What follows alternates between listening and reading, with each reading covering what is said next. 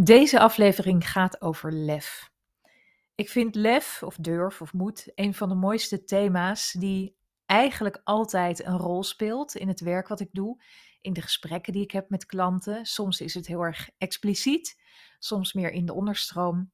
En lef is ook absoluut iets wat um, voor mijzelf een rode draad vormt in wat ik doe.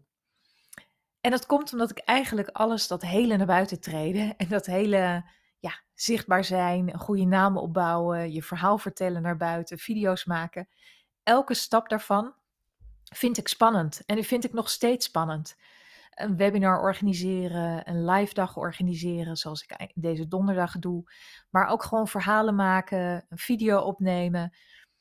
Ehm, het is absoluut niet zo dat ik mijn hand daar niet meer voor omdraai. Ik ben wel meer gewend aan het gevoel van dat het spannend is. Ik ben meer gewend aan, aan ehm, ja, de gevoelens die erbij komen als ik op de knop van delen druk. Ehm, en ja, ik denk dat het vooral dat is waar je wat, wat normaler is, zeg maar. Dat dat gevoel wat erbij hoort, dat van, oh jee, dit is spannend.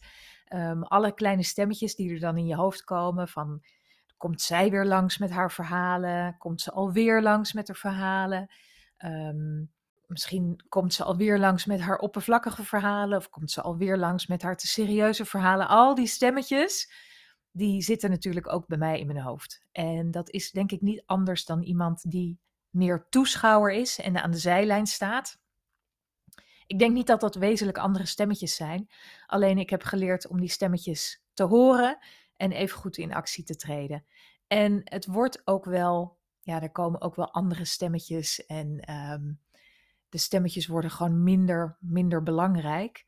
Maar ze zijn er nog steeds. Nou, als je nou denkt um, dat naar buiten treden, dat andere mensen dat heel makkelijk vinden en dat jij dat misschien lastig vindt of dat je daar lang over nadenkt of mee bezig bent of te veel gedoe van maakt, weet dan dat um, het voor een heleboel mensen spannend is.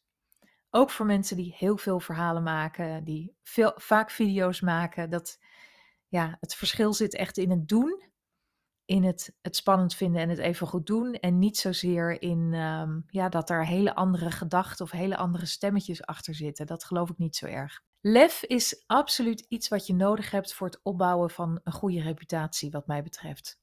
Want zo'n mooie reputatie als boegbeeld van jouw merk krijg je niet als je alleen maar voorzichtige dingen doet.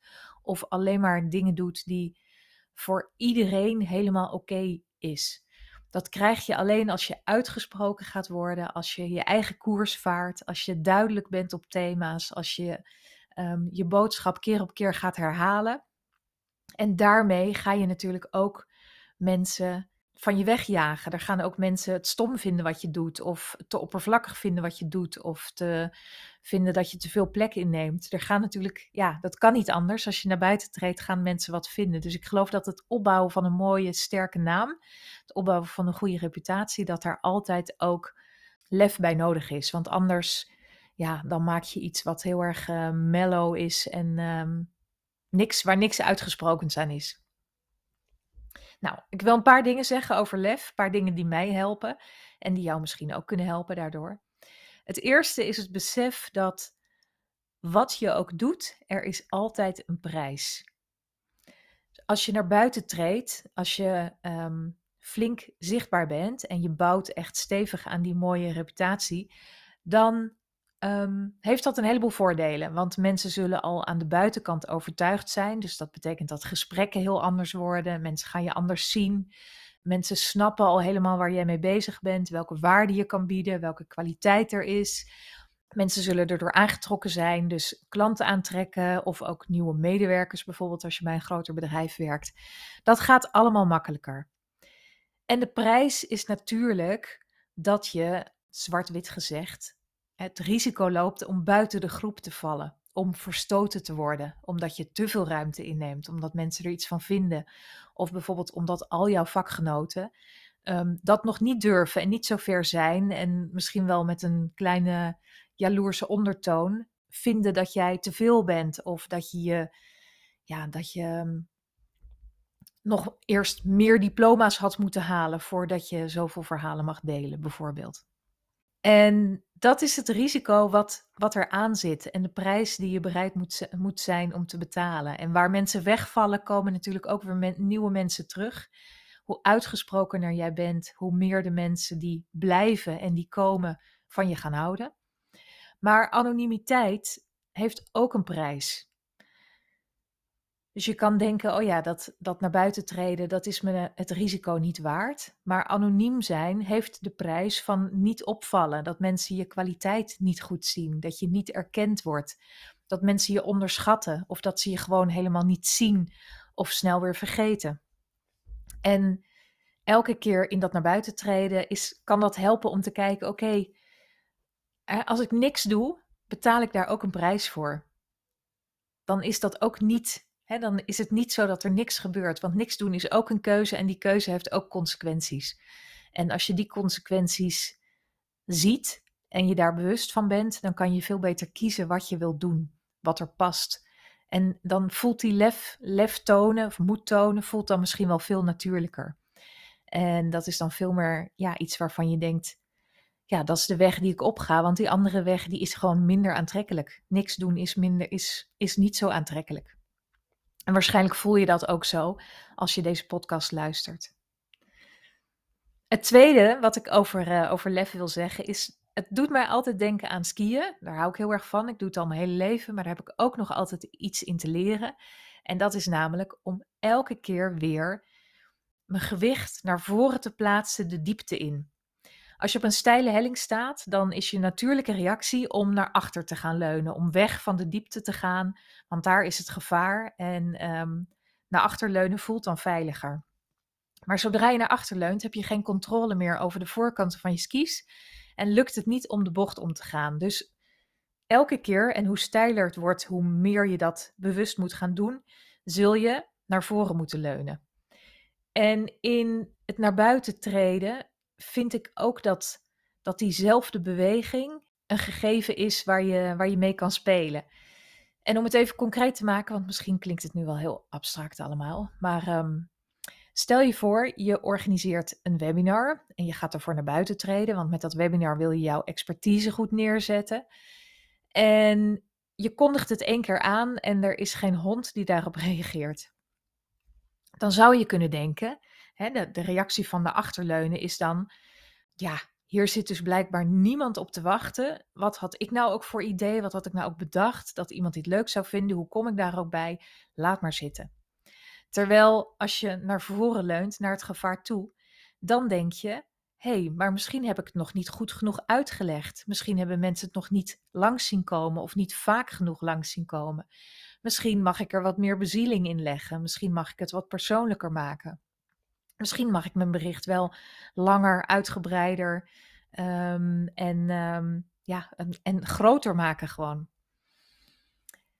En zo kan het ook zijn bijvoorbeeld met een, met een verhaal dat je deelt. Als er nog niet zoveel mensen op reageren, dan betekent het niet dat ze jouw verhaal niet willen weten, maar dan eh, niet willen horen of zien.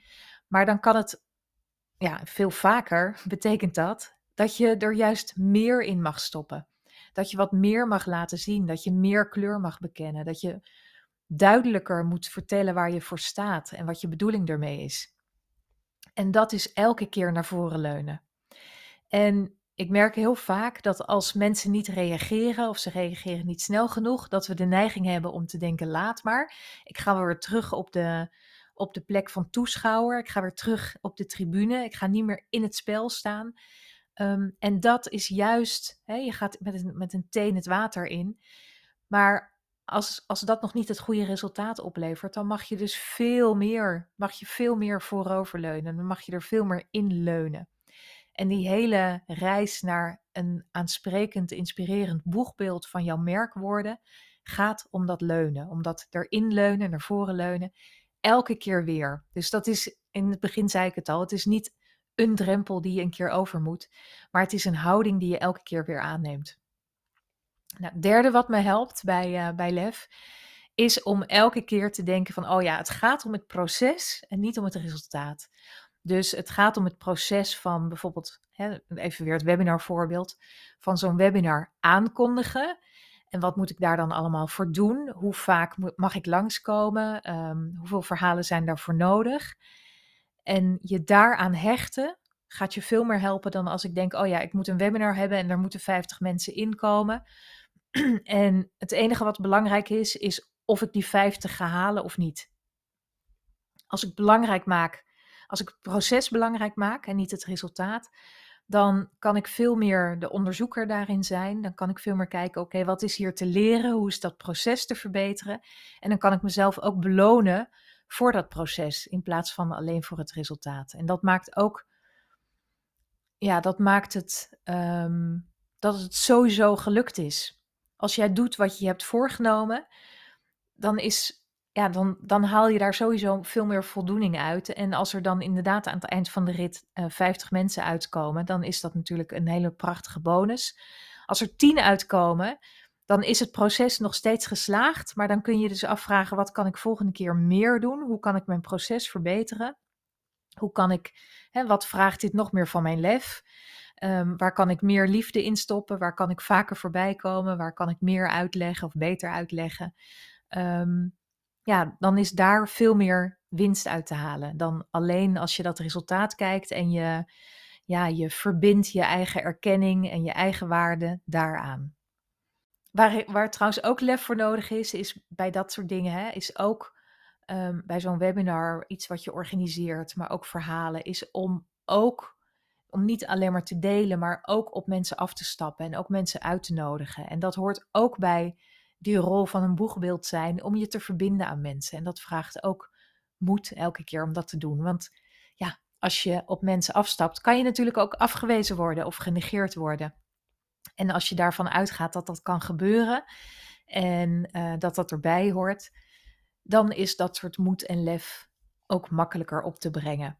Dus ik vind die hele reis van moed en dat oefenen en die mindset krijgen en daarin leunen, vind ik een super interessant proces. En misschien zijn de verhalen wel alleen maar de uitingsvorm uiteindelijk van die moed die je hebt, of van de durf die je aan de dag, aan de dag legt.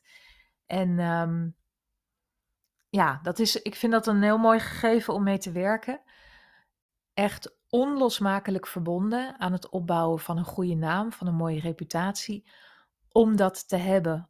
Om ook, ik zeg het nog maar een keer, de moed te hebben om dingen te herhalen, om jouw kernboodschap te herhalen, om daarvoor te gaan staan, om niet te denken, ja, maar dit hebben mensen nou al gehoord, of dit hebben ze nou al zo vaak gehoord. Of nou zullen ze wel weer denken, daar komt zij weer met haar verhaal. Of denken, wie ben ik nou om dit verhaal te vertellen? Misschien val ik wel door de mand hiermee, maar om, om ja, voor je verhaal te gaan staan en dat durven uit te dragen en dat ook echt keer op keer op keer te doen. Dus dat geldt voor zo'n webinar, dat heeft herhaling nodig. Maar de kern van jouw verhaal, jouw kernboodschap, de visie die jij hebt, die heeft ook waanzinnig veel herhaling nodig. Nou, en als je daarvan uitgaat dat dat nodig is om een inspirerend boegbeeld te worden, dan uh, helpt dat misschien een beetje. En dat wilde ik je heel graag meegeven in deze podcast. Ja, lean in, zou ik willen zeggen. Als je het leuk vindt om daar verder over te praten, hoe jij jouw rol als boegbeeld zou kunnen invullen, wat dat voor jou betekent, wat voor verhalen daarvoor nodig zijn, maar ook wat de weg voor jou daarheen is, dan ben je heel erg welkom om een gesprek te boeken. Dat kan via mijn website marikians.com. En dan onderzoeken we samen hoe ik je zou kunnen helpen. Of ik je zou kunnen helpen daarmee, waarbij de focus heel erg ligt op ook concrete output, dus verhalen, video's. Ehm, want ja, het wordt pas wat als het ook echt expliciet is. En je kunt er ook echt woorden aan geven en je zet die woorden ook de wereld in. Tot zover. Ik uh, dank je voor het luisteren en ik ontmoet je heel graag in een volgend verhaal.